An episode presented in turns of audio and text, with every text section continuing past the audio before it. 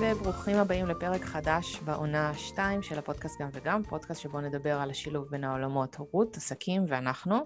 למי שעוד לא מכירים אותי, שמי שרון גולן, אני בלוגרית ומעצבת מוצרים לילדים והורים בנושאים של אוכל בריא, למידה ויצירתיות. אה, בפרק היום אני מארחת את נוח גילאור. נוח הוא מאמן קריירה ומטפל ב rebirthing, נשימה מעגלית והתמקדות. מאמן קריירה, יש לציין. אה, היי נוח, מה נשמע? בסדר גמור. אז uh, בסדר גמור, מעולה. אז האמת שיש לנו המון על מה לדבר היום, אז אנחנו uh, נצלול ישר לדברים. Uh, קודם כל, תספר קצת על עצמך, מה, מה אתה עושה, מתי יצאת לדרך, uh, תהליכים שונים שעברת בקריירה. אוקיי. Okay. Um, אני אתייחס בעיקר לחלק העצמאי, אני אגיד רק במשפט שככה, אני היום בן 47, ו... Um, עד גיל 40 בערך אה, הייתי שכיר, וגם שם עשיתי לא מעט שינויים. רק על זה אני יכול לדבר פודקאסט שלם, אבל זה לא הנושא. אמ, אני רק אזכיר ככה בכותרות שלמדתי מנהל עסקים, יצאתי לדרך, עשיתי אמ, הסבה מהירה משם אה, לעולם התכנות, נגעתי קצת בדברים אחרים, עברתי להיות מורה לשנתיים, אה, חזרתי להייטק אה, בכובע של מדריך ומנהל הדרכה, ובגיל 40 הבנתי שלא בא לי להישאר בהייטק עד סוף חיי, ושיש איזה משהו עוד יותר גדול מכל הדברים האלה שעשיתי שמחכה לי. אמ, ואז אמ, עזבתי, בלי שיש לי משהו ביד, מה שאני קורא לו קפיצת בנג'י. כן. אמ, הייתי בבית, חשבתי, רצתי מרתון, עשיתי כל מיני דברים אחרים, עד שבוקר בהיר אחד זה היה לי נורא נורא ברור שאני הולך ללמוד אימון. Mm-hmm. וכששם פתחתי ו- ו- ויצאתי לסטאז', אה, עדיין לא ידעתי מה אני רוצה בתוך עולם האימון, ומתוך שישה אנשים שהגיעו אליי לסטאז', ארבעה היו סביב דילמות שונות בעולם הקריירה, ודי, ודי בחר אותי. זאת אומרת, די הבנתי שגם לאור המסע שהזכרתי קודם שלי, של כל השינויים וה, וההליכה אחרי משהו שהוא יותר משמעותי, אז הבנתי שזה ה, התחום שלי, ועם זה יצאתי לדרך. אמ, ולפני שנתיים כשהתגרשתי, פתאום, פתאום זה... ו... והייתי שם ונהניתי, ומדברים על זה שאימון או, או טיפול לוקח משהו כמו בין שנתיים לשלוש למלא קליניקה, אני עשיתי את זה בשנה וקצת. אוקיי. Okay. אמ, ואיפשהו שם באמצע הדרך משהו משהו היה חסר. גם לפעמים איזו תחושה של הגעה עם אנשים לאיזושהי נקודה שהם רוצים שינוי, אבל משהו פנימי מהעבר, או, או כל מיני דברים מונעים מהם להמשיך הלאה, וגם דברים שאני עברתי כשהתגרשתי לפני שנתיים, אז משם אה, גם הלכתי ללמוד טיפול והוספתי את זה. Mm-hmm. והיום אני בעצם עושה גם וגם, זאת אומרת, אני גם... גם מאמן קריירה, גם עובד עם אנשים שבאים רק לטוב, רק לקריירה, אני, בא עם אנשים, אני עובד עם אנשים שבאים כשהקריירה הוא הדבר שהכי מעסיק אותם, אבל אז אנחנו מגלים עולם ומלואו אה, בעולם הטיפולי ש, שאנחנו עובדים עליו, ואני גם עובד עם אנשים שבאים בלי שום קשר ומשהו ספציפי מציק להם בחיים, ו, ואני עובד רק על החלק הזה, אז אני די משלב שם את הכל. מגניב. אמ, אז מה בעצם היה החזון שלך בתחילת הדרך אה, שיצאת לדברים, ואיך זה השתנה במהלך השנתיים האחרונות? אז בתחילת הדרך, כאילו, אני חושב ש... אני חושב שאפילו עשר שנים עוד לפני שיצאתי לדרך, היה לי איזה מין חזון או איזשהו טייטל כזה של אני רוצה לעזור לאנשים. ובחלק מהזמן גם בהוראה וגם בהייטק זה ככה בא לידי ביטוי ברמות כאלה ואחרות. זה גם היה הדבר הראשון באימון שככה בלט. Uh, התווסף לזה החזון הזה של um, לעזור לאנשים לקום בבוקר עם... אש בעיניים אולי יהיה קצת קלישאתי, אבל בכל זאת ש, ש, שיקומו עם איזשהו... אה, משהו שמחכה להם, איזשהו משהו עם, עם מקום עבודה, בין כשכיר בין אם כעצמאי, עם, עם, עם סיפוק, עם, עם משהו אחר ממה שהם אה, היו בו עד שהם הגיעו אליי. Mm-hmm. חלק גדול מה, מה, מהחזון בתחילת הדרך היה מהמון המון שיחות שהיו לי עם אנשים אה, במקום שבו עבדתי, של אני נורא רוצה לעזוב, אבל אני לא יכול. אני נורא רוצה לעזוב, אבל, אבל הכסף, אבל כל מיני אבלים. אמ, התוספת של זה בשנתיים האחרונות, מאז שנכנסתי גם לעולם הטיפולי, אמ, כל זה בתוספת גם איזושהי רמה או שתיים מתחת, בלגעת במקומות ה... אמ, שהרבה מאיתנו לא נוגעים, בכל מיני דברים שהדחקנו. אמ, ומשם כבר, ה... כאילו התווסף לזה המקום הזה של, אוקיי, לא, לא בא לי רק לעשות להם טוב בחלק המקצועי, אלא בכל, בכל אזורי החיים. אז יצא לי לעבוד עם אנשים על uh, משהו בעולם הזוגי שמפריע להם, לא, לא, לא מהמקום של הזוגי, אלא מהמקום של, של אותו אחד או אחת עם, עם החלקים הפנימיים שלהם מול המקום הזה, עם שינוי, שינוי דפוסים, אמונות. רק הבוקר הספקתי, uh, uh, עוד לפני שאנחנו מדברים פה, uh, um, לעבור, כאילו להעביר מישהי איזשהו... סשן, שאולי אפילו דרכו אני יכול גם להסביר את התוספת ואת ההבדל, דרך איזו דוגמה כן. קטנה.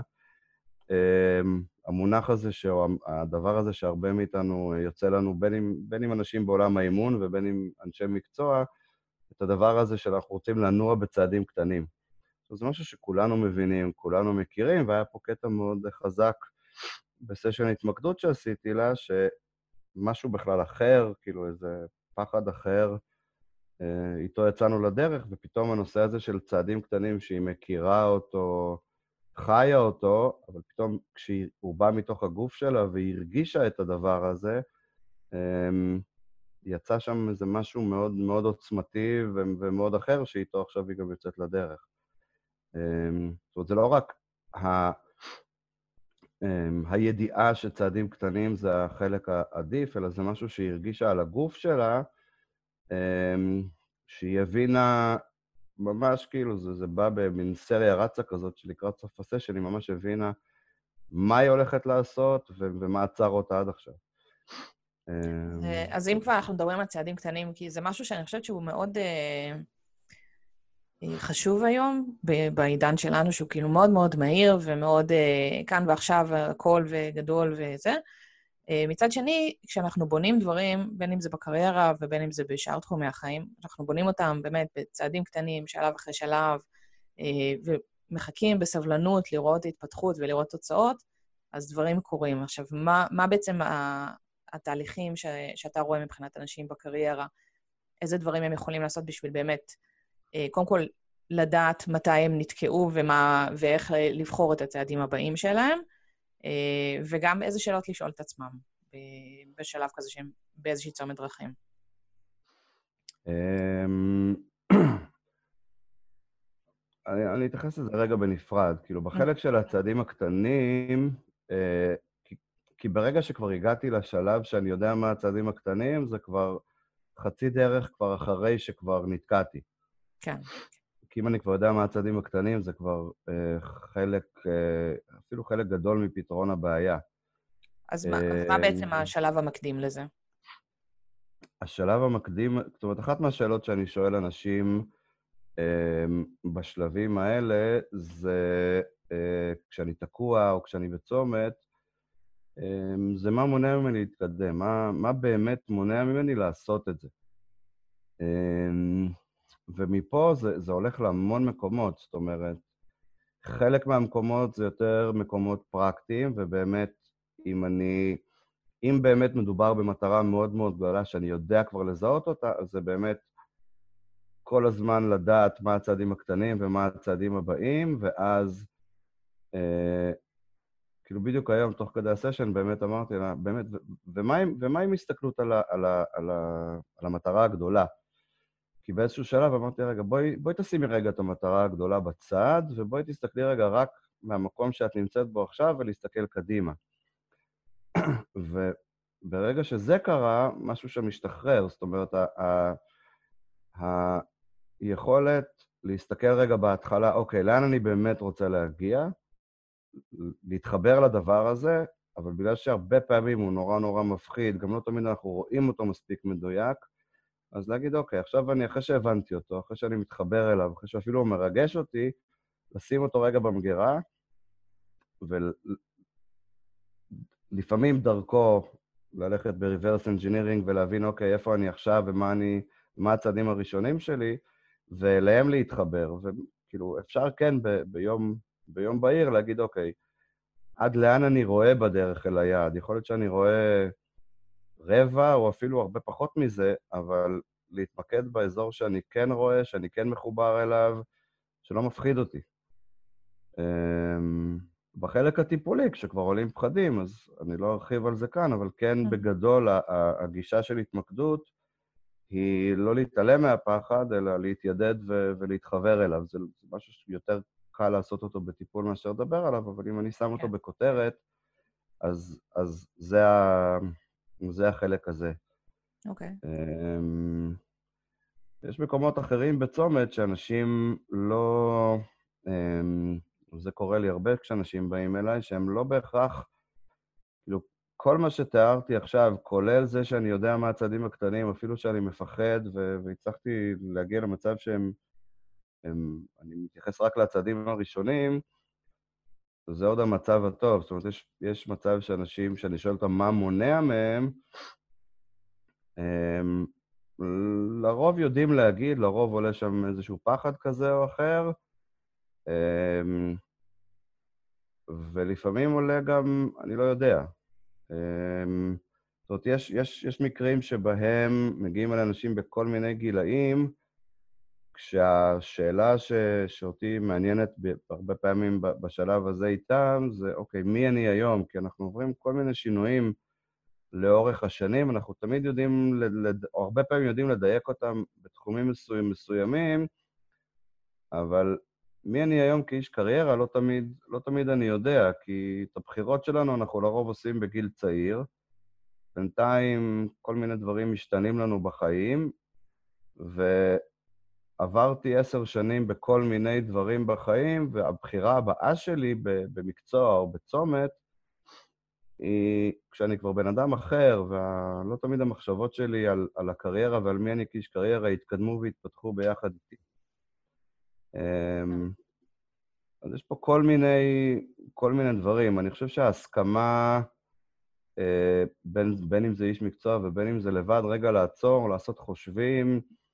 אמ, כאילו, הרבה פעמים אני שואל אנשים שבאים לעשות שינוי, רגע, אוקיי, אמ, אם הייתי עכשיו יוצא לדרך ועכשיו uh, מתחיל את הקריירה שלי, מה הייתי עושה?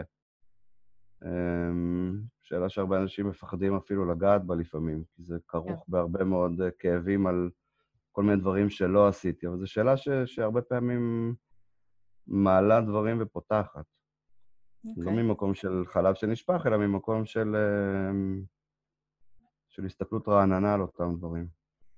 עכשיו, באמת דיברת פה על, אה, על הרבה מאוד דברים שאפשר לעשות uh, כש, כשנתקעים. עכשיו, יש גם בקטע ש, שבאמת uh, נתקעים, לא יודעים מה השלב הבא, מצב שבאמת נכנסים לשלב הזה של לא לדעת ו, ולוקח זמן, כמו שתיארת אצלך, שלוקח זמן בין הרגע שעוצרים לבין הרגע שמגיעה איזושהי התגלות או איזושהי הבנה לגבי עצמנו, מה באמת אנחנו רוצים לעשות.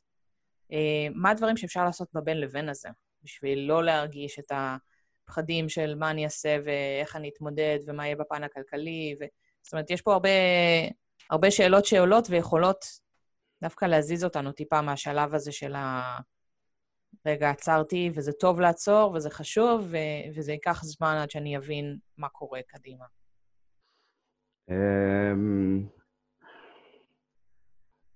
תראי, קודם כל, כשאת אומרת את השאלה הזאת, אז ישר קופצים לי כל מיני אנשים וכל מיני דברים שעשיתי איתם, וכל אחד עובד אחרת. אני אנסה ככה כן. קצת, אה, קצת לקחת אה, קצת מכל דבר.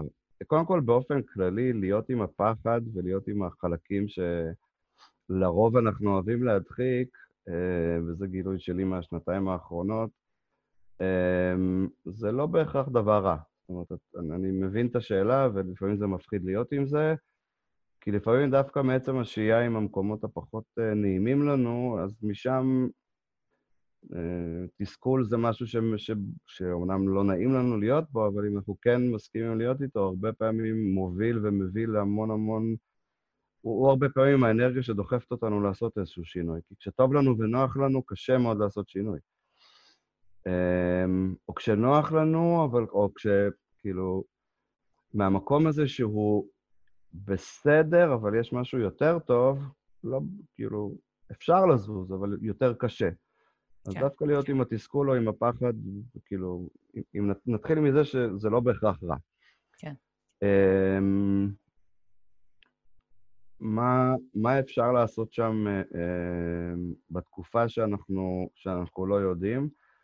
Um, יש כל מיני דברים. גם, זה, זה, אני אגיד שזה מאוד תלוי באיפה אנחנו נמצאים, ו- ולא בכל דבר אפשר לעשות את זה, אבל בחלק מהמקומות, אמ, אם אני חוזר למה שדיברנו קודם, שוב חוזר העניין של התזוזה בצעדים קטנים. עכשיו, צעדים קטנים, אם אני מתייחס למשל על... על אני, אני כרגע שכיר ואני רוצה להיות עצמאי, אז צעדים קטנים יכולים להיות צעדים שאני יכול לעשות אצלי בבית עוד לפני שאני יוצא לדרך, עוד לפני שדיברתי עם איזשהו לקוח. זה לחקור על החומר, זה לדבר עם אנשים שכן נמצאים בתחום שלי, או בתחום שאני רוצה להיות, או לקוחות פוטנציאליים, או... אמ, יש לי איזו דוגמה לאיזה בחור שפעם אה, אמ, אמ, פרסמתי איזשהו מאמר ושמתי אותו באיזושהי קבוצה בפייסבוק. הזמנתי אנשים, אם אני זוכר בזמנו, לאיזו שיחת חינם, אה, והוא כתב בקבוצה ההיא, אני, או, או שהוא כתב לי באופן אישי, אני לא מאמין למאמנים, אני לא מאמין לזה, אבל, אבל בכל זאת אני אדבר איתך. כאילו, הוא עשה לי טובה שהוא yeah. כן. דיבר איתי. um, ודיברנו. Um, בחור ש, שרק רצה, רק עמד להשתחרר מהצבא, והמחשבה הייתה משהו בעולם המכונאות, אם אני לא טועה. Um, והוא ממש הסתכל על העולם בשחור ולבן, וכש... הצלחתי להוריד אותו מזה ולחבר אותו לחלום האמיתי שלו, אז הוא אמר לי, החלום שלי בכלל קשור לאופנועים, והמידע לא קיים בכלל בארץ, הוא קיים אצל אנשים בחו"ל. אמרתי לו, בוא תנסה רגע משהו, תיכנס ללינקדין, אני לא זוכר אם היה לו שהוא היה צריך לפתוח, ותנסה למצוא את האנשים האלה בכל מיני מקומות uh, בעולם. עם, עם איזושהי פנייה של אני אשמח לדבר איתכם, אני אשמח לקבל מכם אינפורמציה, כאילו, והרעיון היה של איך אני מגיע לתפקיד שלכם. כן. מדובר היה, היה על מנהלי מחלקות אה, אה, ב, ב, בעמדה בכירה כזו או אחרת בחברות לא קטנות, כמו BMW וכל מיני כאלה בעולם, mm-hmm. והוא עשה את זה, ולהפתעתו הוא קיבל לא מעט תשובות. כן. אה, זה, זה בעיניי דוגמה לצעד קטן שהוא לא היה צריך לעזוב את העבודה, הוא לא היה צריך להחליט, זה איזשהו ניסוי וטעייה שהוא עשה עוד לפני שהוא בכלל יצא לדרך. לפעמים הצעדים האלה של ניסוי וטעייה זה, אוקיי, אני אתחיל בקטן, אני אקח איזה לקוח אחד, או, או איזשהו סוג של סטאז' שאני עושה לעצמי, יכול להיות שזה חבר אפילו, יכול להיות שזה זה, ו... זאת יש המון דברים שאפשר לעשות um, עוד, עוד לפני שאני um, מחליט. כן. אמ, או אפילו תוך כדי החלטה, כשאני עדיין מפחד לעזוב עבודה או, או לעשות שינוי גדול ולהגיד, אוקיי, אני יוצא לדרך. כן. עכשיו, מה בעצם, זאת אומרת, אנשים שאותם, שנמצאים באיזושהי צומת דרכים, ש, שרוצים לקבל איזושהי החלטה, אה, איזה שאלות הם יכולים לשאול את עצמם בשביל באמת לדעת מה הצעדים הבאים שלהם, להבין מה הדברים הקטנים שהם יכולים לעשות בשביל לקדם את עצמם, בשביל בכלל, כמו שאתה אומר, לטעום האם זה מתאים לי, לא מתאים לי השינוי הזה, האם זה הכיוון שאני, שמעניין אותי, שהוא התשוקה שלי.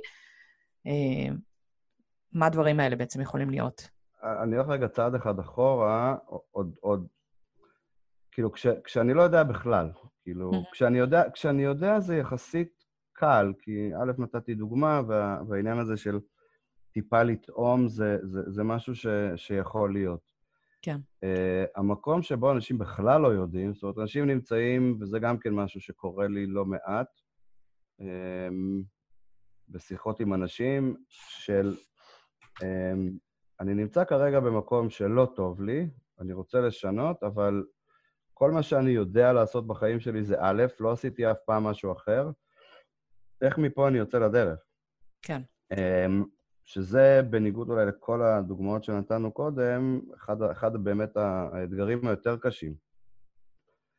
אמ, ופה פה אין דבר אחד, כאילו, יש פה המון המון, אה, אה, המון המון אפשרויות, לפעמים אני מנסה את כולם אפילו, לפעמים אני מנסה רק את חלקם. Mm-hmm. למשל, אמ, דוגמה אחת שגם בסוף יצאה מזה אה, בחורה ששינתה אה, מקצוע לגמרי, אמ, מישהי שהלכה ללמוד ארבע שנים משהו אחד, וגילתה שהתחביב אמ, שהיא חשבה שהוא רק תחביב בגיל הילדות של אמ, אה, ריקוד, ריקוד, או איך קוראים לדברים האלה, כל החוגים האלה, אני מנסה, ג'אז, בלט, כל הדברים האלה כן. שהבנות שלי עשו אה, בגיל מסוים, אמ, שהיא הייתה אפילו לקראת הסוף גם אה, עוזרת של, ה... של אותה אה, אחת שניהלה שם את העסק, אמ, היא פתאום קלטה שזאת התשוקה שלה.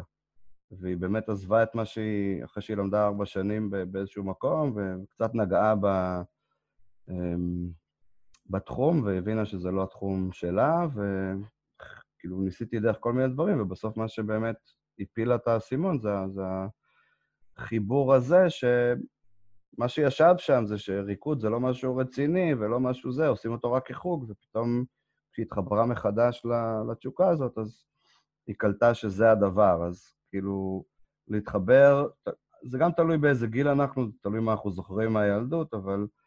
אה, גם המקום הזה של אה, להתחבר לדברים שאהבנו בתור ילדים, או לתחביבים שלנו, או לכל מיני דברים כאלה, זה משהו שמאוד... אמ, שוב, אצל חלק מהאנשים זה יכול להוביל ל... בסוף גם למקצוע. כן. אמ, אז זה חלק אחד. חלק אחר, ובמיוחד באנשים שלא רוצים לעשות שינוי כזה גדול, אז מה שאני הרבה פעמים שואל אותם זה בתוך המקצוע שלך עכשיו, עם כל זה ש... אמ, זו שאלה עדינה לשאול אנשים שסובלים, אבל בתוך הסבל הזה, בתוך מה שאתה לא אוהב, אמ, מה, מה כן אתה אוהב לעשות? אמ, בתוך כל היום עבודה או השבוע עבודה הזה, שמבחינתך כרגע הוא קרוב לגיהנום, מה אתה בכל זאת אוהב שם לעשות? אה, מה אתה ממש לא אוהב לעשות, זה גם כן משהו שלפעמים פותח אה, משהו. אה, לפעמים מתוך מקום כזה יכול רגע, אוקיי, את כל זה אני לא אוהב, אבל יש פה כמה דברים שאני אוהב, אז זה יכול לגלות משהו, ובהרבה פעמים זה יכול, דרך השאלות על הדברים ש, שאנשים אוהבים, גם במקומות עבודה וגם מחוץ למקומות עבודה, לא, זה לא תמיד משהו מאוד ישיר, הרבה פעמים זה, זה פתח ל, ל, לד, לדיון פנימי והתחלה של, של משהו. כן. Um, אז זה משהו שגם כן um, יכול מאוד לפתוח, ו, um, והשאלה שדיברתי עליה קודם, של אם עכשיו הייתי מתחיל מחדש, ואני שם, מסכים לשים בצד את ה, כמה אני מרוויח היום, ואת מה שאני עושה היום, ואת כל מה שעשיתי עד היום, רק לטובת הדיון, לאו דווקא בפועל. אה, אם הייתי מתחיל עכשיו מחדש, מה הייתי עושה? זו גם שאלה שהרבה פעמים אה, אמ, פותחת. איזה דברים אה, הייתי, הייתי עכשיו, אם היה לי עכשיו חצי שנה או שנה, אמ, למה הייתי הולך עכשיו להשקיע כסף אפילו פעם בשבוע באיזשהו קורס? גם כן שאלה שיכולה להוביל. ובכלל, מה, מה, כשאני, כשאני מחפש בגוגל, או כשאני מחפש ביוטיוב איזה סרטון, איזה נושאים כאילו עולים לי, אמ, כל מיני שאלות כאלה יכולות uh, לעזור במקום הזה. מעולה. אמ, אז האם זה משהו שבאמת אפשר לעשות בכל גיל? כי פה דיברנו על אה, שלבים מאוד מאוד שונים, גם אם אחרי צבא, או בגיל 40, או זה יכול להיות אפילו בשלב יותר מאוחר. האם זה משהו שאפשרי, ואיך אה, מגיעים למצב שבו אומרים, אוקיי, זה מה שעשיתי עד היום, מעכשיו אני הולך לכיוון הזה, אה, וזה בסדר. אמ, התשובה היא תלוי. כמו בכל דבר. אמ, זה תלוי, כאילו, עולים לי ישר שני דברים. אמ, דבר אחד, וגם uh, uh, כתבתי עליו בזמנו מאמר, שבשבוע שה, uh, שרשות השידור uh, נסגרה, ועוד לפני שהתאגיד uh, נפתח, אז התראיינתי בכל דיבורים סביב, ה, סביב הנושא הזה של כלוב זהב. Uh, אני חשבתי על ההייטק, בסוף המראיינים גם uh, כאילו דיברו עליהם, שהם נמצאים באיזשהו כלוב של כן, זהב, כן. משהו שלא חשבתי עליו כשכתבתי את המאמר. אמ, כי, כי כלוב של זהב הוא משהו שהוא הוא, הוא תלוי גיל והוא לא תלוי גיל. זאת אומרת, הרבה פעמים אנשים שנמצאים... בזמנו כשכתבתי את זה עלה לי רק הייטק, אבל כמובן זה לא... זה ממש לא, לא, לא רק. זאת אומרת, אם אני נמצא באיזשהו כלוב של זהב, גם מבחינת... אה, אה, גם מבחינת המשכורת, גם מבחינת התנאים, אה, ואני נמצא במקום שהכלוב ממש סגר עליי, אני לא אומר שזה בלתי אפשרי, אבל מאוד מאוד קשה בשלבים האלה להגיד, אוקיי, אני מוותר על הכל ואני זז.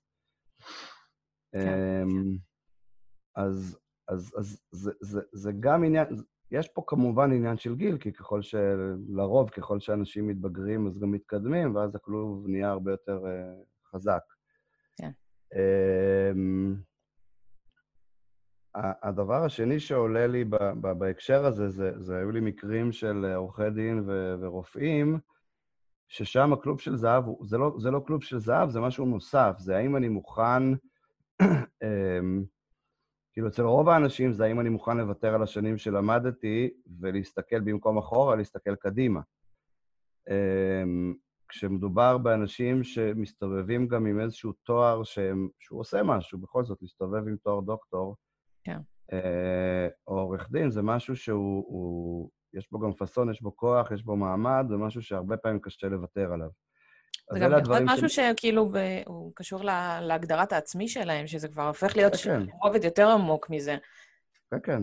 זה, ש, שזה, דרך אגב, זה לא קשור רק ל, ל, למקצועות האלה, זה קשור בכל מקום. כשאני קם נכון. בבוקר ואני אומר, אני מאמן, אני מטפל, או אני, כל דבר שאני עושה בחיים, והמחשבה שאני עושה משהו אחר, היא, היא, היא, לא תמיד, היא לא תמיד קלה, גם כשאני יודע שאני סובל מהלחץ הזה עד, עד מצב שזה משפיע לי על הבריאות. זה אחד המקרים כן. שיצא לי לעבוד. אמ, אז אני אומר, אלה דברים שמקשים על, על, גם על עניין הגיל, אבל לא רק עניין, על, על עניין הגיל. זאת אומרת, יש פה איזה חלק ש... אפשר לעשות אותו לבד, יותר קל בטיפול, זה, זה רגע להסכים להיפרד מהדבר הזה, שוב, אם, אם מוכנים ורוצים. אז זה להיפרד מזה, זה להיפרד מהכסף, זה להיפרד מהתנאים. לא תמיד שינוי הוא בהכרח אה, אה, מוריד מה, אה, מהתנאים ומהמשכורת, אבל הרבה פעמים שינוי צריך, מצריך לפחות איזושהי תקופה מסוימת של, אה, של ירידה בתנאים. לא תמיד, אבל הרבה פעמים זאת הדילמה. כן. כמובן שאם השינוי מוביל לשיפור בחלקים האלה, אז כמובן שהרבה יותר קל. אמ, אז זה דבר אחד, אמ, לגב, או כמה דברים לגבי הגיל. אני חושב שחוץ מהעניינים האלה, הגיל עצמו הוא לא, בעיניי הוא לא פקטור. זאת אומרת, הוא פקטור לגבי זה שחלק מהדברים שבגיל 24 או 8, כשאני עושה שינוי, ואז למשל, אה, אה, כמות הזמן שאני אסכים להשקיע בללמוד משהו אחר היא יותר גדולה מאשר אולי בגיל יותר מבוגר. גם, גם לזה כבר יצא לי לראות אה, כל מיני מקרים יוצאי דופן, אבל אני חושב שזה בעיקר איך, ש, איך שאתה מרגיש מול הגיל שלך. זאת אומרת, כן. אני יודע שבשנים האחרונות אני, סביב כל מיני שינויים שעשיתי, מרגיש הרבה יותר צעיר מאשר הייתי לפני אפילו עשר שנים. אמ, אז זה בעיקר עניין של, של תפיסה, ואני חושב, אני, אני אגיד לסיום השאלה הזאת עוד משהו, שאני חושב שהעידן של היום מאפשר הרבה יותר בכל גיל, כי פעם זה היה, כאילו פעם כשאנשים עשו שינויים, רוב האנשים עשו שינויים כשהמחשבה הייתה על להיות שכיר ממקום אחד לשני, והיום שיחסית יותר בקלות ויותר מהר בן אדם יכול ליצור לעצמו את העסק שלו, אמ, גם בגיל הזה, כי אם כל החיים הייתי משהו אחד ועכשיו אני בא למקום אחר בתור שכיר, אמ, גם אם למדתי משהו, אז הסתכלו עליי בצורה כנראה לא הכי אה, מקבלת. אני זוכר בהייטק לא מעט מקרים שבהם באים אנשים יותר מבוגרים לחבר'ה צעירים שמנהלים, לא, לא קל שם. כן. אמ, ומצד שני, אם אני יכול ליצור לעצמי את העסק שלי אה, ולעשות איתו משהו, אז זה איזשהו מכשול שככה פחות קיים היום, ככה לאנשים יותר מבוגרים. כן. אז בואו נדבר שנייה קצת על, ה... על הפן של הטיפול אצלך בעסק, אה, ולמי okay. אוקיי. שבאמת לא יודע מה זה אומר, אה, אז בואו תספר קצת מה זה אומר rebirthing, מה זה אומר נשימה מעגלית, ומה זה אומר התמקדות. אוקיי. Okay. איך, איך בפועל זה קורה? אז קודם כל מדובר בשני כלים שהם שניהם מעולם גוף נפש. אמ, לשניהם, אני, אני אתחיל באיזו הקדמה ממש קצרה, שבגדול אמ, כל מה שאנחנו חווים בחיים, בטח הדברים שהם יותר אה, רלוונטיים ודרמטיים עבורנו, מאיזה משהו שאני זוכר בתור ילד, אה, אם כמובן היו שם אה, טראומות מסוגים שונים, מטראומות מיניות ועד זה שלא בחרו אותי בקבוצת כדורסל, ואני זוכר את זה, אמ, הדברים האלה, כמו גם הדברים הפחות אה, דרמטיים, הם, הם בעצם צרובים לנו בגוף, הם צרובים לנו במערכת העצבים, הם נמצאים שם. אמ, לא תמיד אנחנו קולטים ומבינים עד הסוף עד כמה כל הדברים האלה קיימים ומפעילים אותנו, לפעמים אנחנו רואים את זה יותר ולפעמים אנחנו רואים את זה פחות. אבל המידע הזה קיים שם. אמ, ושני הכלים האלה בעצם משתמשים אה, או משתמשים או אה, רוצים לשחרר או לתת מקום, תלוי באיזה, באיזה תפיסה את אה, מסתכלת, על אותם דברים. הנשימה המעגלית בעצם זה משהו שגילו או הביאו לעולם בזמן המודרני, באזור שנות ה-60-70, זה התחיל בארצות הברית, אחר כך עבר להודו, ויש כל מיני גישות סביב הדבר הזה, ש... ברגע שבן אדם נושם מעגלי, זה בעיקר דרך הפה, נשימה רציפה, בסשן שנמשך אה, אה, בסביבות השעה, כבר אחרי רבע שעה או, או חצי שעה, בעצם ההזרמה הזאת של החמצן, של האנרגיה, בכל, ה, בכל המקומות בגוף, מתחילה לגעת באותם מקומות ש... ש אה, או שהדחקנו, או שהגוף הדחיק, זאת אומרת, או שהדחקנו או שהזיכרון פשוט כבר לא נמצא שם, זאת אומרת, הזיכרון שלנו לטווח, לטווח ארוך זוכר בערך, אבל אם אנחנו כל הזמן נזכור ונחווה את כל מה שחווינו כל החיים, אנחנו לא נוכל להתקיים. אז יש פה איזה משהו גם חכם בגוף ששומר חלק מהדברים האלה במקומות אחרים. אמ, ובעצם הנשימה המעגלית מביאה, ו- מביאה קודם כל לגוף, אחר כך לאט-לאט גם לתודעה, כל מיני דברים שהדחקנו. אמ, ואנשים חווים את זה אחרת, אבל אני אתן לך רגע כמה, אמ, כמה דוגמאות. זה מאפשרות לחוות משהו שחוויתי כילד, שחשבתי שהוא לא עושה לי שום דבר, אבל הוא בעצם משהו מאוד מאוד משמעותי, מאפשרות באמת גם לגעת בכל מיני טראומות ש, ש, שאני עד היום הדחקתי, אני ידעתי או לא ידעתי אפילו שהן קיימות, וההתנהגות שלי בהרבה מקרים הייתה מופעלת סביב אותו מקום אה, אה, מודחק. כן. למשל, אם עברתי אה, חלילה איזושהי תקיפה מינית כלשהי, ובגלל זה אני נזהרת במקומות מסוימים אפילו יתר על המידה, הייתה לי גם אחת שממש לא, לא יצא מהבית בתקופה הזאת. ברגע שאפשר היה לתת למקומות המודחקים האלה את המקום שלו, אה, בחוץ, אפשר היה סביב הדבר הזה להתנהל הרבה יותר קל בחיים היום. כן. אמ, נתתי בכוונה דוגמה קיצונית, אבל בהרבה מקרים זה קשור גם בדברים היומיומיים שלנו, מול הבני זוג שלנו, מול ההורים שלנו, מול הילדים שלנו גם. אה, הרבה פעמים זה, זה, זה לתת לרגש אה, שלא נתנו לו מקום, לתת לו לצאת. הרי ביום-יום, גם אם אנחנו פוחדים או גם אם אנחנו כועסים, אנחנו לא בהכרח מבטאים את הכל. אמ, וכשבסשן כזה אנחנו מצליחים לבטא את זה ולהוציא את זה החוצה, אה, הרבה פעמים אנשים מדווחים אחרי סשן כזה של, וואו, איזה, איזה תחושת שחרור זאת. אמ, אני זוכר שאחת המטופלות הראשונות שלי אמ, סיפרה לי אחרי הסשן הראשון, היא באה עם איזשהו כעס על מצב משפחתי, משהו משפחתולוגי כזה שהיה שם מאוד מאוד חזק. היא כמה מהסשן הזה, זה סשן שנעשה אה, בשכיבה על מזרן ובעיניים עצומות, ואז יש שם את סשן הנשימה. אמ, היא ממש דמיינה את אותו בן אדם שהיא כעסה עליו, הוציאה הרבה מאוד כעס מעבר למה שהיא חשבה אפילו שיש לה בגוף. היא התיישבה על הספה אחר כך ואמרה, וואו, אני הייתי בסשן פסיכולוגי של שנה ולא הרגשתי כזאת תחושת שחרור. כן. כי התחושה הזאת של השחרור, התחושה הזאת של ה...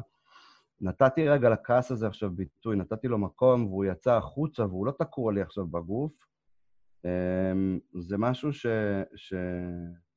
שמשחרר. עכשיו, זה כל רגש, זה יכול להיות כעס ופחד ו... וגם תחושות אמ, חיוביות. אה, באזור הפולני של החיים, הרבה פעמים לא מאפשרים לנו לשמוח יותר מדי, או לצחול יותר מדי, או... אמ, יש אנשים שנושא המיניות הוא כאילו אסור בכל העולם הדתי שאני בא ממנו, יש כל מיני דברים שאסור, אז דברים לא באים לידי ביטוי, אז אמ, גם זה יש, יש לו מקום. שוב, זה לא אומר שאת כל הדברים האלה אני פורק כמו שהייתי עושה במציאות, אבל זה לתת מקום לרגש הזה, לתת, לצאת ול, ולהתבטא בצורה קצת אחרת, בדיוק מהמקומות המודחקים. זה ככה על קצה המזלג על אה, נשימה מעגלית. אמ, התמקדות זה משהו שבעניין אמ, ההדחקה אמ, עובד אולי בצורה דומה, אבל בגדול זה משהו שהוא אה, אחר.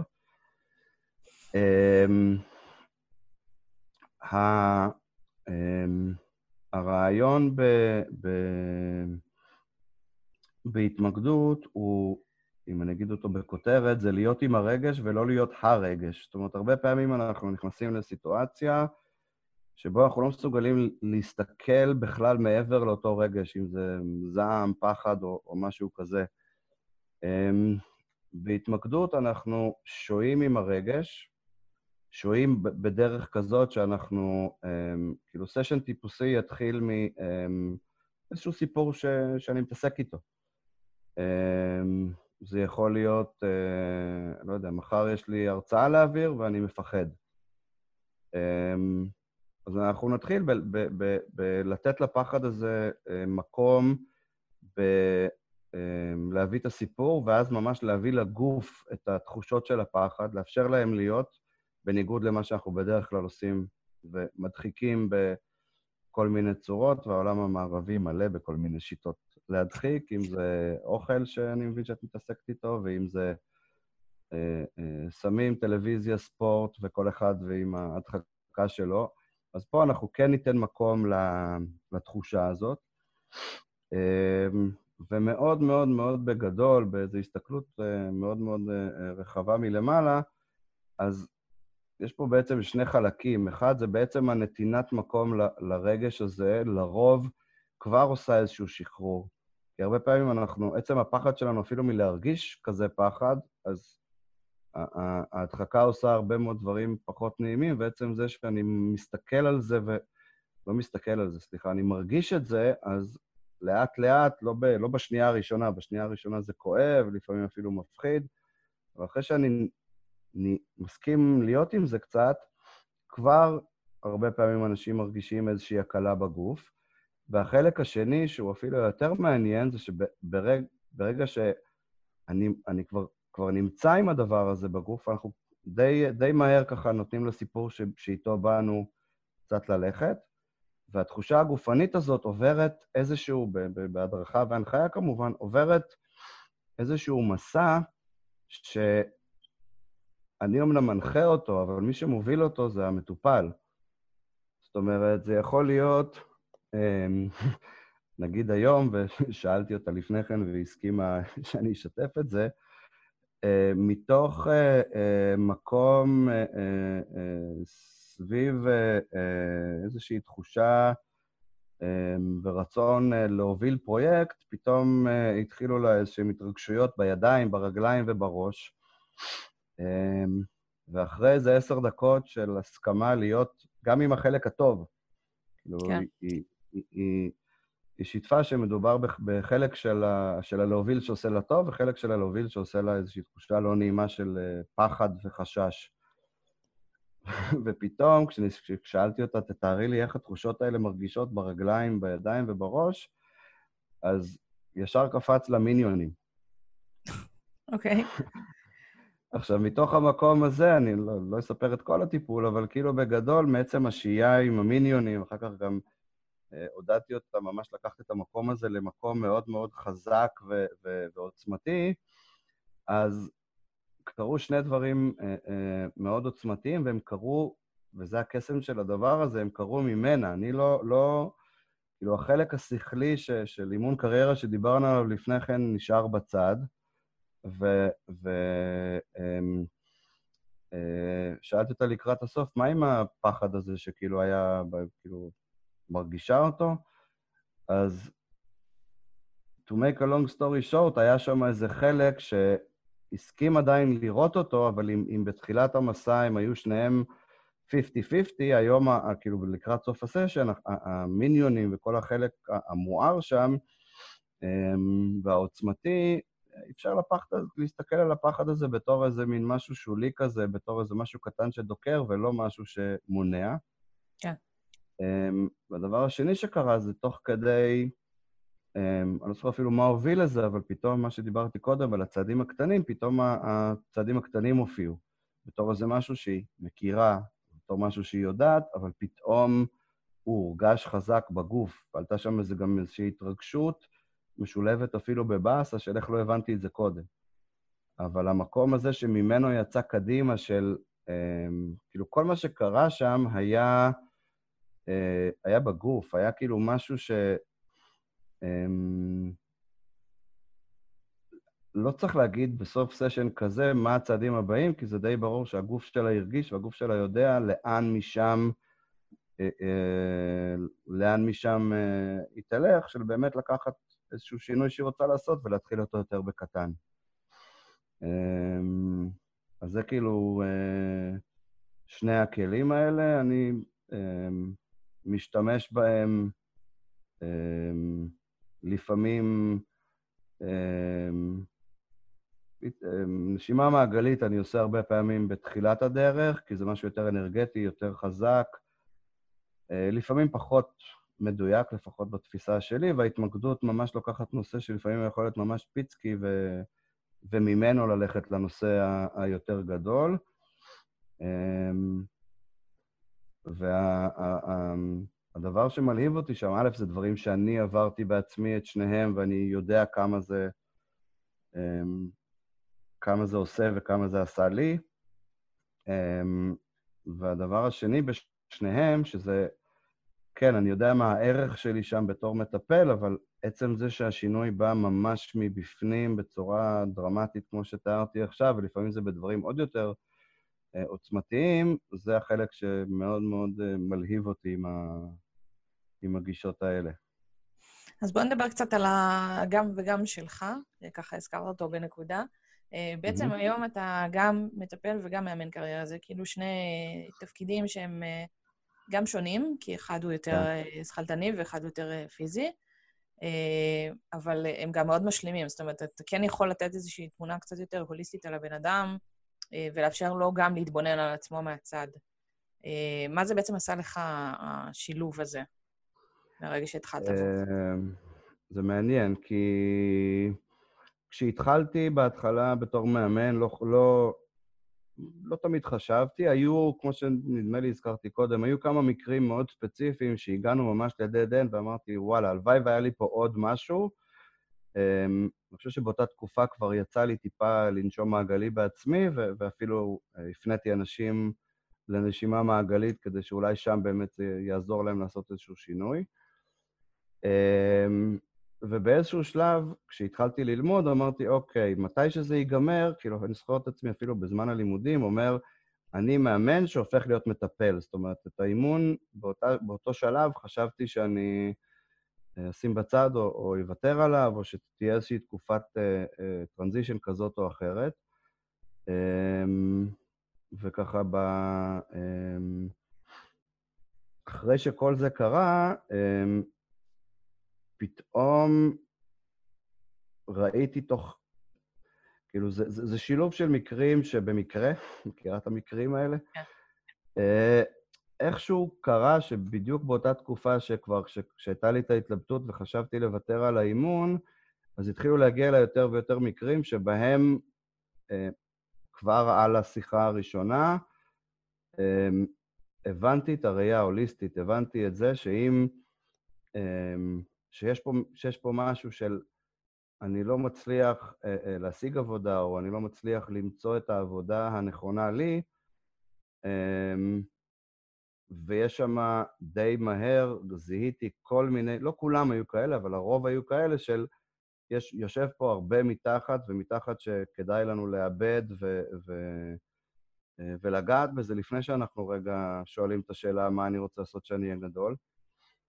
אמ, וזה... אמ, כאילו, אני זוכר שעם הראשון או הראשונה זה היה כזה, אוקיי, מעניין, עם השנייה והשלישית זה כבר היה, יש פה משהו, כן. וכדאי, שאני, וכדאי שאני אקח את זה בחשבון. אמ, והיום זה ממש...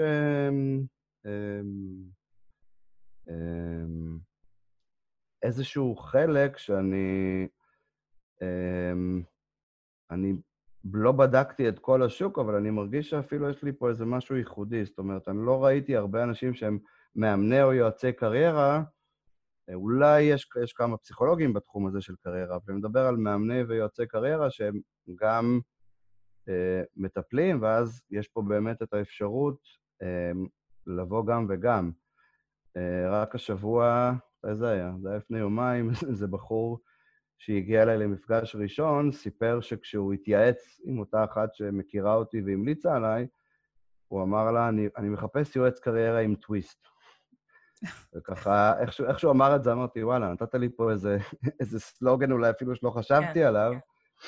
כן. אמ, וזה בדיוק זה, וזה זה, זה מקום שאני גם מרגיש, כאילו, גם כשאני מסתכל החוצה לשוק, אז אני אומר, וואלה, יש לי פה משהו ש... הוא קצת ייחודי, אני מניח שיש אולי עוד כמה אנשים, אבל די פחות רואים אותו. אמ, וגם בעבודה שלי זה משהו שמלהיב אמ, אותי הרבה יותר כשאני יכול לתת את כל ה... אמ, כאילו, הכל פה בא לידי ביטוי גם, גם, ב, גם ביכולות שלי וגם בדברים שאני נהנה לעשות. כן. נהנה, אומרים.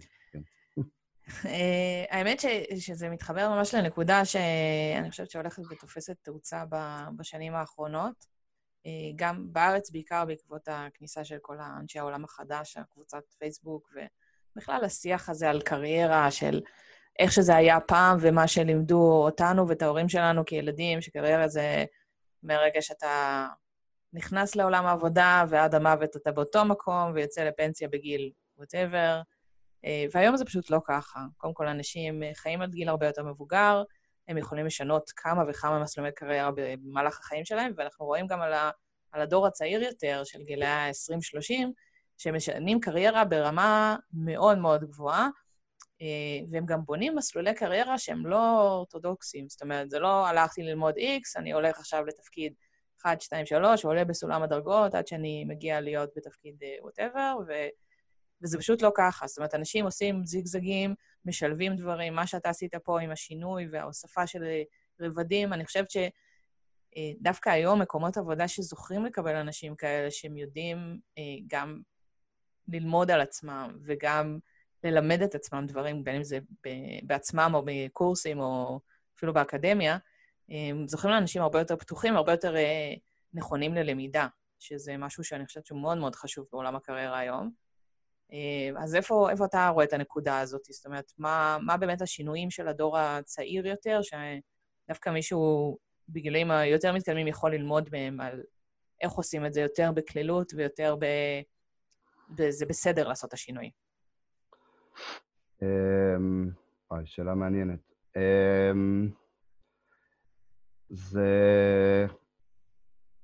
קודם כל זה תלוי בהמון המון גורמים. זאת אומרת, אחד הדברים שאני שם לב, לרוב, זה לא תמיד, לא תמיד ככה, אבל אצל הרבה מאותם אנשים ש...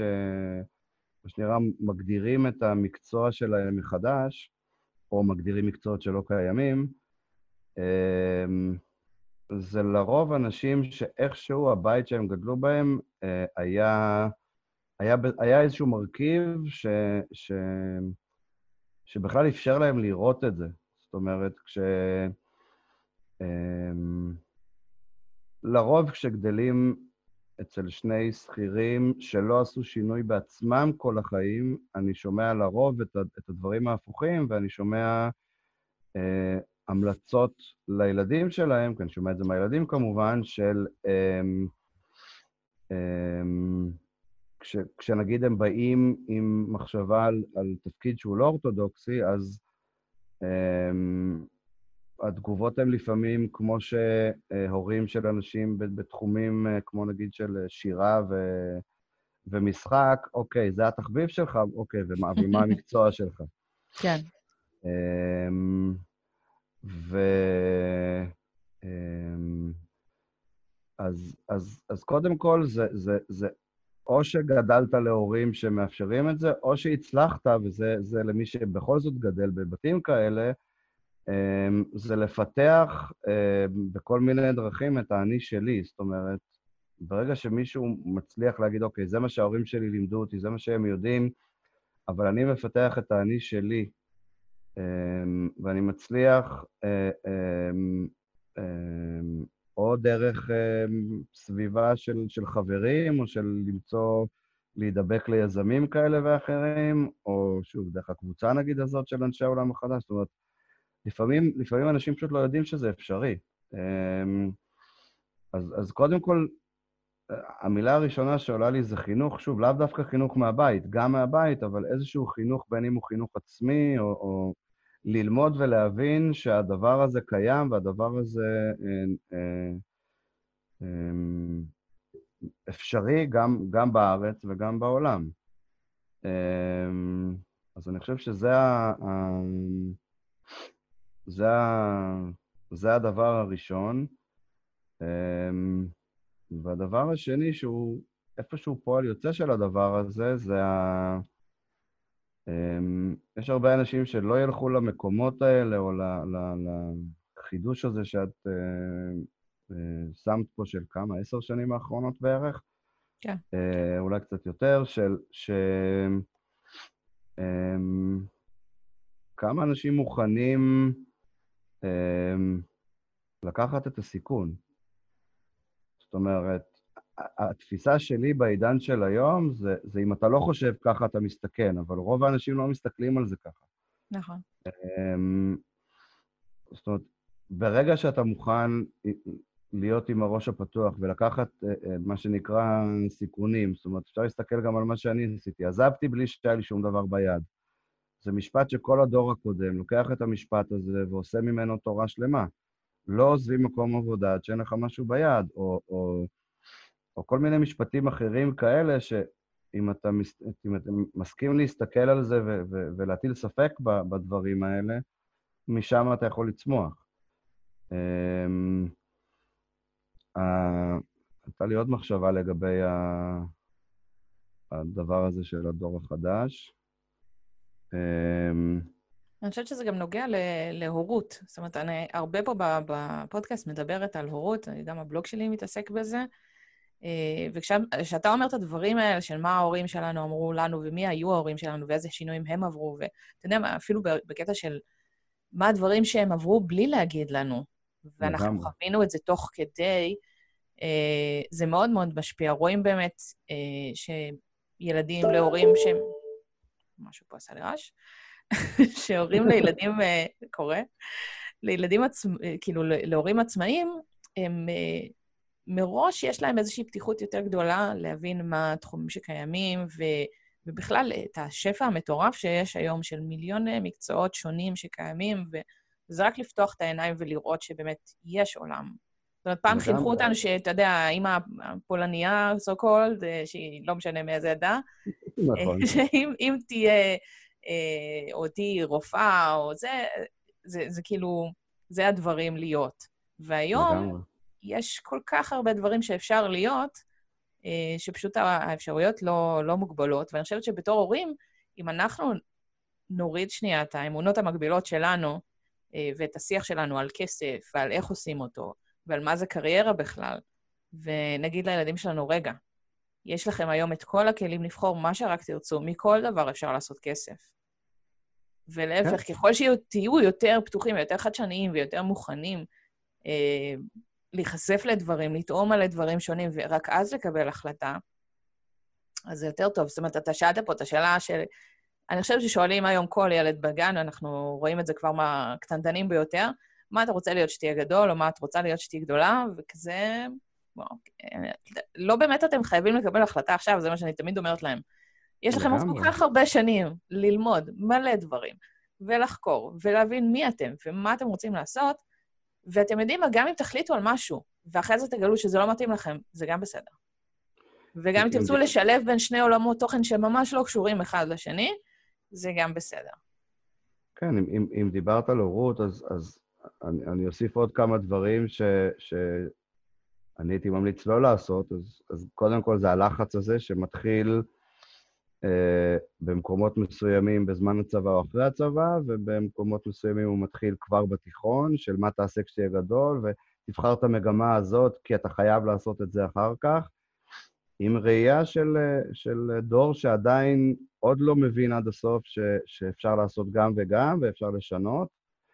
אמ, אז אני חושב שכן, של... של אמ, וגם אני אגיד עוד משהו שהוא מתחבר לי להורות.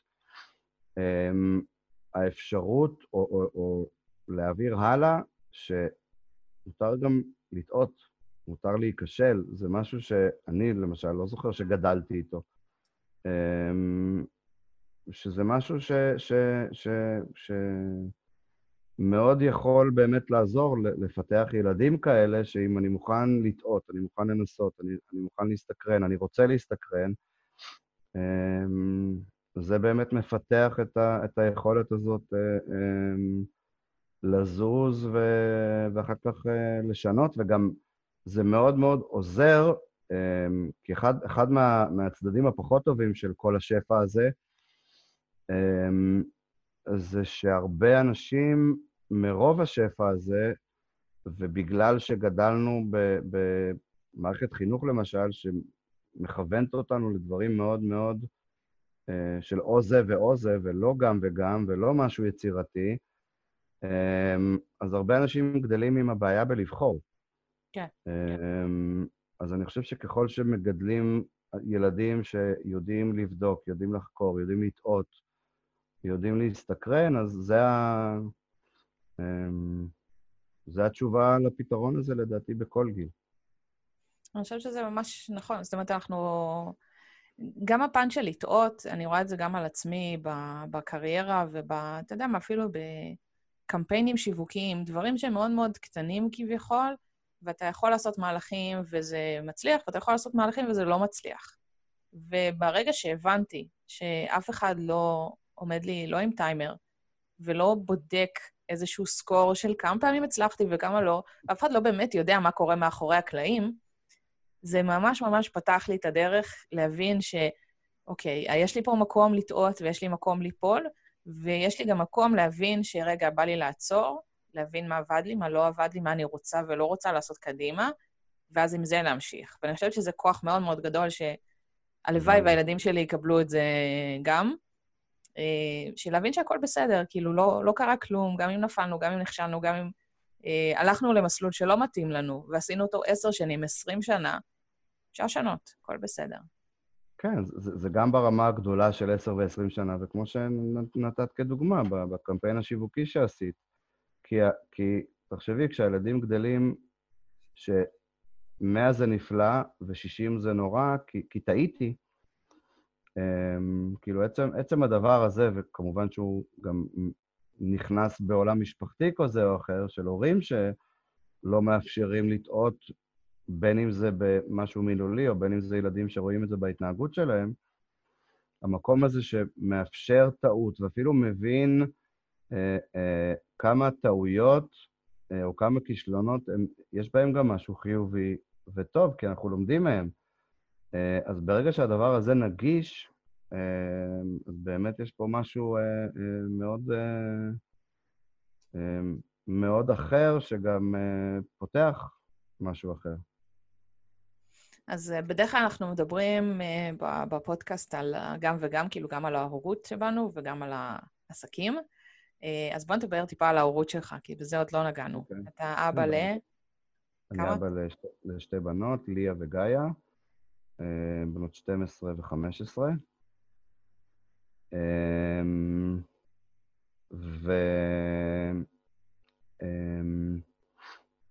ואחד הדברים שקלטתי, אמ, זה בעיקר מה קרה לי מהרגע שנהייתי עצמאי.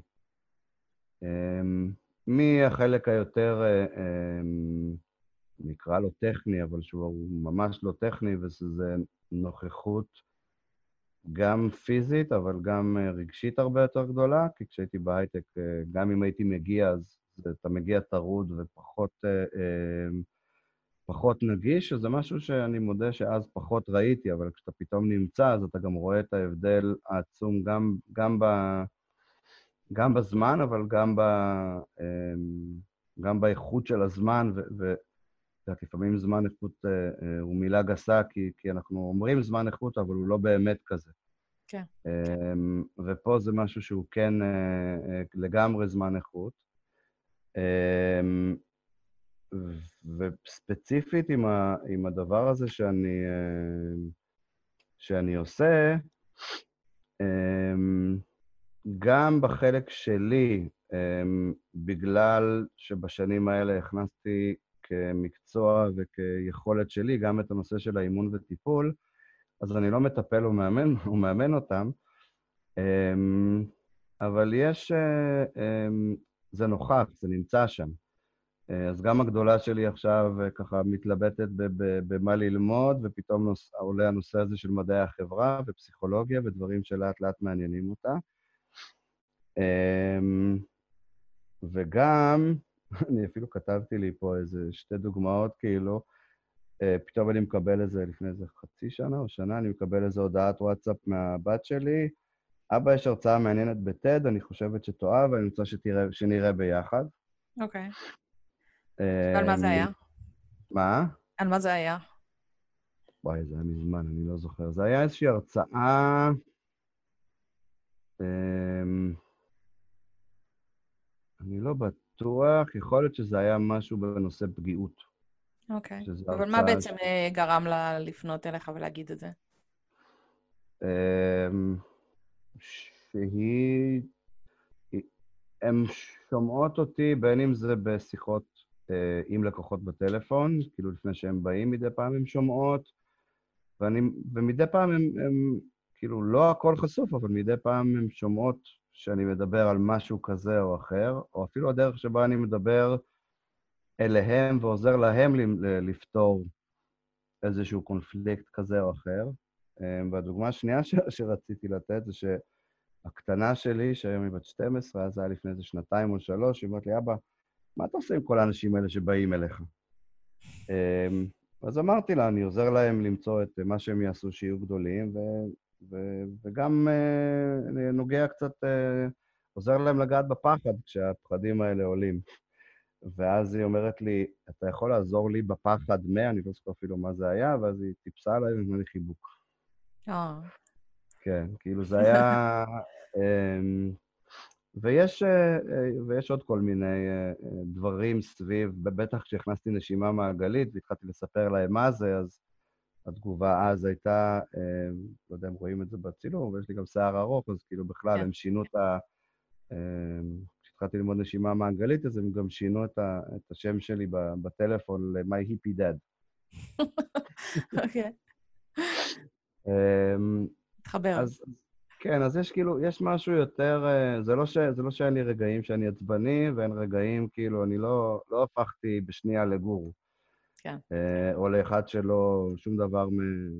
כאילו, ילדים יכולים להיות נפלאים ברגע אחד, וברגע אחר אה, קצת פחות. ואני כן. מדבר בלשון המעטה. אמ, אז, אז, אז אני לא יכול להגיד שכל סיטואציה בעולם אני מכיל, אבל כן, אה, אני יכול להגיד שנהיה שם משהו הרבה יותר, הרבה יותר מכיל, הרבה יותר... הן משתפות, כאילו, אי אפשר להשוות כי גם הן היו קטנות אז, אבל אני יכול גם לשער שלו נשארתי במקום הקודם, אז הן היו משתפות אותי פחות במה שהן עוברות, והיום כן יש איזה... אמ, גם אפילו גיל שלכאורה על הנייר כבר אמור לאט-לאט להיות כזה של... יש לנו את הדברים שלנו, ופחות משתפים, אז גם בגיל הזה כן. אני, אני רואה אצל שתיהן עדיין את, ה, את, ה, את הצורך הזה בלשתף, לפעמים רק כדי להגיד, לפעמים גם כדי לעזור לפתור משהו כזה או אחר, אז um, זה משהו ש, ש, שבא לידי ביטוי, ב, זה, זה בגדול בקשר ש, שבין, שביני לבינם, אבל גם, גם, גם האבהות שלי ככה, די ברור לי שהיא השתנתה ותפסה איזה מין uh, מקום, מקום אחר מאשר קודם. מעניין. אמ, אז בדרך כלל אני עושה את זה בתחילת הפרק, היום אנחנו נגיע לזה ככה לקראת סיום. אמ, איך אתה מתמרן בין כל הדברים השונים? איך נראה הסדר יום שלך? כמה אתה מתוכנן מראש?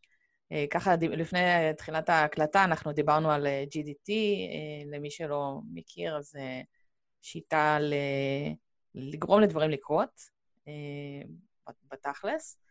אה, זה משהו שאני, נגיד, אישית מאוד עובדת איתו. אני לא עובדת עם השיטה הספציפית, אני כן מכירה בגדול שלה, אבל אני מאוד מאוד מסודרת ומארגנת ומפרקת לגורמים כל אה, פרויקט ודבר. אז איך זה אצלך? כאילו, איך נראה הסדר יום שלך, סדר שבוע? אז, אז, אז אצלי זה דווקא מעניין, כי אני פחות או יותר לפני חודש, אני חושב, בנסיעה שלי לעצמי, פרגנתי לעצמי חופש בברלין. מהמם. Um, המחשב קרס לי, נתתי, נתתי אותו שם לאיזשהו בחור בתיק, לתיקון, ובזמן שזה קרה, פחות היה לי חשק לכתוב במחברת, למרות שהרבה פעמים אני כותב במחברת, וזה היה אחד הדברים שבשבילו נסעתי לברלין, לשבת ולכתוב. אמ, ומתוך כל הדבר הזה, מצאתי את עצמי מסתובב בברלין עם כל מיני הרצאות TED כאלה, וכותב לעצמי אם היה איזה משהו מעניין שאני רוצה לקחת. ומהמקום הזה, אמ, כי היה לי איזה משהו תקוע מבחינת הסדר יום שלי כעצמאי, משהו לא עבד לי. אמ, בעיקר, אני חושב, היה לי בלאגן.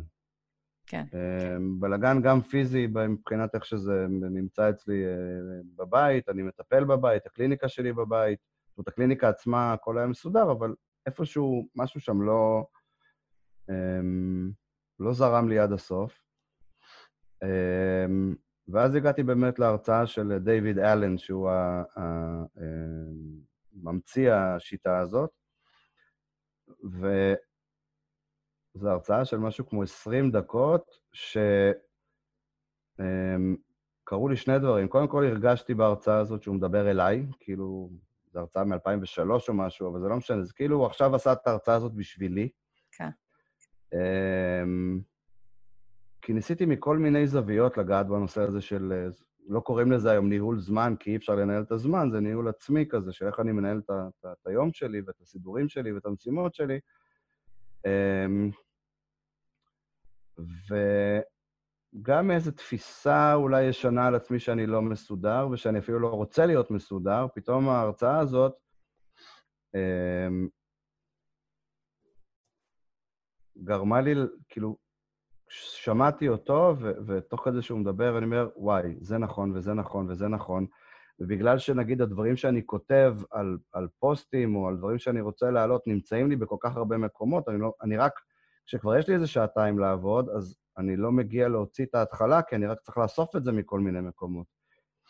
אז ברגע ש, שהבנתי את זה, קרו לי שני דברים. א', הבנתי בדיוק מה אני הולך לעשות, למרות שבאותו רגע לא, טכנית לא הבנתי איך השיטה עובדת, וזה קרה לי רק בשבוע, שבועיים שאחרי, אבל הבנתי בערך למה הוא מתכוון, ו- וכבר כאילו הבנתי איך זה הולך להיראות. והדבר השני, הוא מדבר על זה שזה לא רק מקום של פרודוקטיביות, אלא מקום שהוא בלי סטרס, מקום שהוא כאילו מנהל את העניינים האלה בשקט. ואני לא יודע אם זה היה מהמקום של התקווה, או, או הבנתי את זה כבר אז, סיימתי את ההרצאה, ופתאום הקולות האלה שהיו לי בראש פשוט נעלמו. כאילו, היה לי מין שקט כזה אמ, עמוק. אמ, ועכשיו, חודש לתוך הדבר הזה, אני עוד ב... ביישום וב fine-tuning האחרון של זה, אבל אני כבר רואה אמ, מכל מיני דברים בבית ש, שלא נגעתי בהם פחות או יותר מאז שעברתי לפה לפני שנתיים, פתאום סידרתי וזה עושה לי, אה, וזה עושה לי נעים, ועד זה שהמשימות שלי אמ, מאורגנות, וזה זה, זה סידר לי אמ, משהו שתמיד הייתה לי דילמה איתו בקטע של מה אני עושה קודם. ופתאום מתוך, אני עובד עם הטודויסט, אה, אה, ופתאום אני רואה איזה דברים שהם יותר ברורים לי, אה, גם בגלל החלוקה לפרויקטים ותתי פרויקטים, וגם בגלל מה שאמרת קודם על הקטע הזה של אני יודע בכל משימה מה, מה הדבר הראשון, ולפעמים השני והשלישי, וזה הרבה הרבה יותר ברור לי מאשר קודם. בעיקר, בעיקר זה, וגם זה שכאילו כמעט שום דבר לא חונה בראש, אלא חונה בכל ה... מקומות שבהם, אה, אמ, שבהם אני, אה, הכלים שבכל זאת אני עובד איתם, שזה ה-Todoist והקלנדר של גוגל, ובכל זאת איזשהו נוטס ב, ב, אמ, ב, בסלולרי, וגם OneNote, ששם אני אוגר הרבה מאוד דברים של, של העבר. אמ, וככה, עצם זה שאני יודע איפה כל דבר נמצא ונוגע בזה ככה כרגע עדיין פעם ביום, למרות שהוא מדבר על להסתכל על זה פעם בשבוע, אמ, נוצר מצב שהרבה מאוד מהעשייה שלי, כולל דברים שאני מתקתק כאילו ב... ב אמ, תוך כדי אפילו התחלת היישום הזה, אמ, זה, זה עושה קסמים, זה כאילו מי שלא ניסה או לא, לא מכיר, שווה ש... שינסה, כן. וכמו שאמרת, את עובדת בערך לפי השיטה או משהו כזה, זה, כל אחד בסוף מתאים את זה לעצמו. אני לא חושב שאני עושה גם כן משהו בדיוק, כאילו, אני לא עושה את כל, דו, כל מה שהוא אומר ככה. הבדיקה היא כמובן מה מתאים לי ומה עובד לי, גם ברמת כן. הכלים, גם ברמת המתודולוגיה, אבל זה משהו שבהחלט אה, עובד גם לאנשים שמגדירים את עצמם פחות מסודרים, כמוני למשל. אני חושבת שזה משהו ש... כאילו, אתה נגעת פה בשתי נקודות ש... שמאוד אה, מחוברות אחת לשנייה. אה, בשנים האחרונות אה, נהיה איזה טרנד כזה של כל ה... לסדר את הבית ולנקות דברים. אני חושבת שזה טרנד שהוא כאילו נורא פיזי, אבל מצד שני הוא לא ממש. זאת אומרת, הרצף הזה של המשימות שהולכות ומתרבות ו... ורצות לנו בראש, והשקט הזה שתיארת, זה יכול לקרות רק כשיש שילוב של שני דברים. א', שה... הספייס שלנו מסודר, כל החללים שאנחנו נמצאים בהם, עובדים בהם, ש, שיש בהם איזשהו סדר וניקיון, ותהליכי עבודה גם נכונים, אה, שדברים נמצאים במקום המתאים שלהם, אה, בין אם זה על המחשב ובין אם זה פיזית.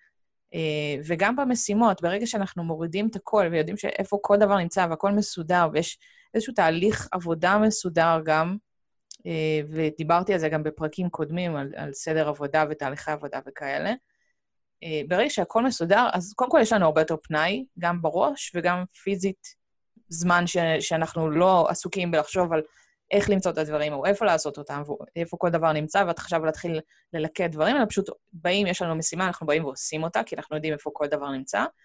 אה, וגם באמת אנחנו יכולים להסתכל קדימה, גם מה שדיברנו בתחילת הפרק, על צעדים קטנים, להבין מה, מה הצעד הבא. כשהכול מסודר והכול ברור, הדברים, הצעדים הבאים מאוד uh, ככה הולכים ונבנים ו- ומאוד ברורים לנו. כן, הייתי אה, מוסיף אפילו, שלא רק שהם נהיים ברורים לנו, לפחות אצלי, וזה גם מה שהוא מדבר עליו, שהחלק היצירתי הזה פנוי.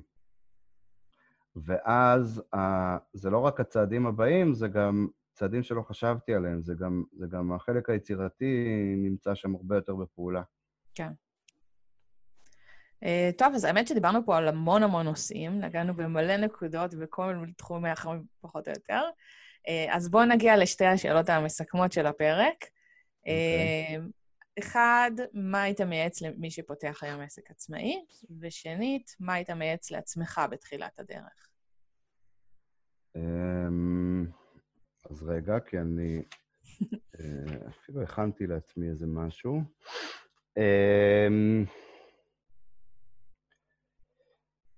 לגבי... רגע, זה מה שהייתי מייעץ לעצמי רגע. אתה יכול להגיד גם בסדר הפוך, אם בא לך. לא, לא, לא, דווקא בא לי, דווקא בא לי להתחיל במה הייתי מייעץ לעצמאי בתחילת הדרך. Um, אני חושב שלא יפתיע לאור כל מה שדיברנו עד עכשיו, um, שזה העניין של התשוקה. זאת אומרת, um, קודם כל להתחבר ל, ל, ל, ל, לתשוקה שלי גם, גם ברמת העסק וגם ברמה האישית. כאילו, תשוקה זה מילה שהרבה פעמים הולכת ישר למקום המיני. כאילו, זאת זו אולי האסוציאציה הראשונה של המילה תשוקה. החיבור שלי לדבר הזה הוא לא סתם, כי אם, אם אני שנייה אכנס רגע לא יותר מדי לעולם הרוחני ולמילה הזאת שנקראת צ'קרות של הגוף, אז הצ'קרה הראשונה, שהיא צ'קרת הבסיס, צ'קרת המין, היא גם, היא גם אותה צ'קרה של, של, של שמחת חיים, של, של עשייה. ואולי גם משם המילה הזאת אה, אה, אה, מחוברת. זאת אומרת, אמ, עצמאי בתחילת הדרך, אם אין שם איזו אנרגיה ראשונית, אם אין שם איזו אנרגיה התחלתית של ליצור משהו חדש, בין אם הוא חדש לי, בין אם הוא חדש לעולם, בין אם הוא איזו ורסיה של משהו, אמ, אז הדבר הראשון זה, זה, זה, זה למצוא גם את המקומות בעסק עצמו וגם המקומות בי, שבעצם עוזרים לי להתחבר לזה ו- ו- ולהניע. ואם אני לוקח את זה לרמה יותר פרקטית, אז לשאול כל מיני שאלות, או, או שאלות שכאילו, הם, הם עוד לפני שאנחנו פותחים את העסק, זה, זה מה אני אוהב בזה. למה אני עושה את זה? מה זה ייתן לי? מה זה ייתן לאנשים? Um, שאלות אולי קצת יותר, אה, אה, פחות אולי בקטע של תשוקה, אז מה מיוחד בזה, מה זה, מה זה פותר, מה זה מאפשר, איך אנשים ואני ירגישו כשהדבר הזה יתממש. זאת אומרת, משהו, משהו מהמקום הזה, שאני מאמין שזאת גם אנרגיה שהיא חשובה ליצירת משהו חדש, זאת אומרת, ממש לצאת לחיים כעצמאי, זאת אומרת, בתחילת הדרך זה המקום שבו אנחנו אה, צריכים וזקוקים להכי הרבה עשייה ו- ואנרגיה ומין איזה מין רוח כזאת של um, אחד שמוכן לעשות הכל כדי שהדבר הזה יקרה, גם אם זה לא מילולית מילה במילה. Um, ואני חושב שגם הנקודה הזאת היא מאוד מאוד משמעותית, גם למשברים או לפיקים, וה... או יותר נכון, הלואו של, של הפיק, uh, שמגיע בדרך, כי זה מין משהו שבא כזה במין... Uh, לרוב, ה, ה, ה, מעבר להקמה עצמה, גם כשאנחנו בשנה, שנתיים, שלוש הראשונות של העסק, אה, גם כשאנחנו מתפתחים ו- ומתקדמים, זה לא ליניארי, אז כאילו למקומות הפחות, אה, לימים הפחות טובים, גם, גם אה, את, ה- את החיבור הזה. ולגבי עצמי, שזה גם כמובן נכון לכל אחד ולא רק, לא רק לעצמי, אז גם uh, להבין מוקדם שלא הכל אני יכול לעשות לבד, um, ולדעת במה אני טוב, במה אני פחות טוב, איפה אני צריך עזרה, uh, בין אם זה ברמה העסקית, וכמובן בתור מה שאני עושה, אז גם ברמה הרגשית, זאת אומרת, um, יצא לי עם uh, מישהי לא מזמן לנתח את ה, במרכאות את הכישלון הקודם שלה. והכישלון במקרה ההוא היה בגלל שהגיע הפחד והיא לא ידעה איך להתמודד איתו, אז נגמר, סגרה את העסק.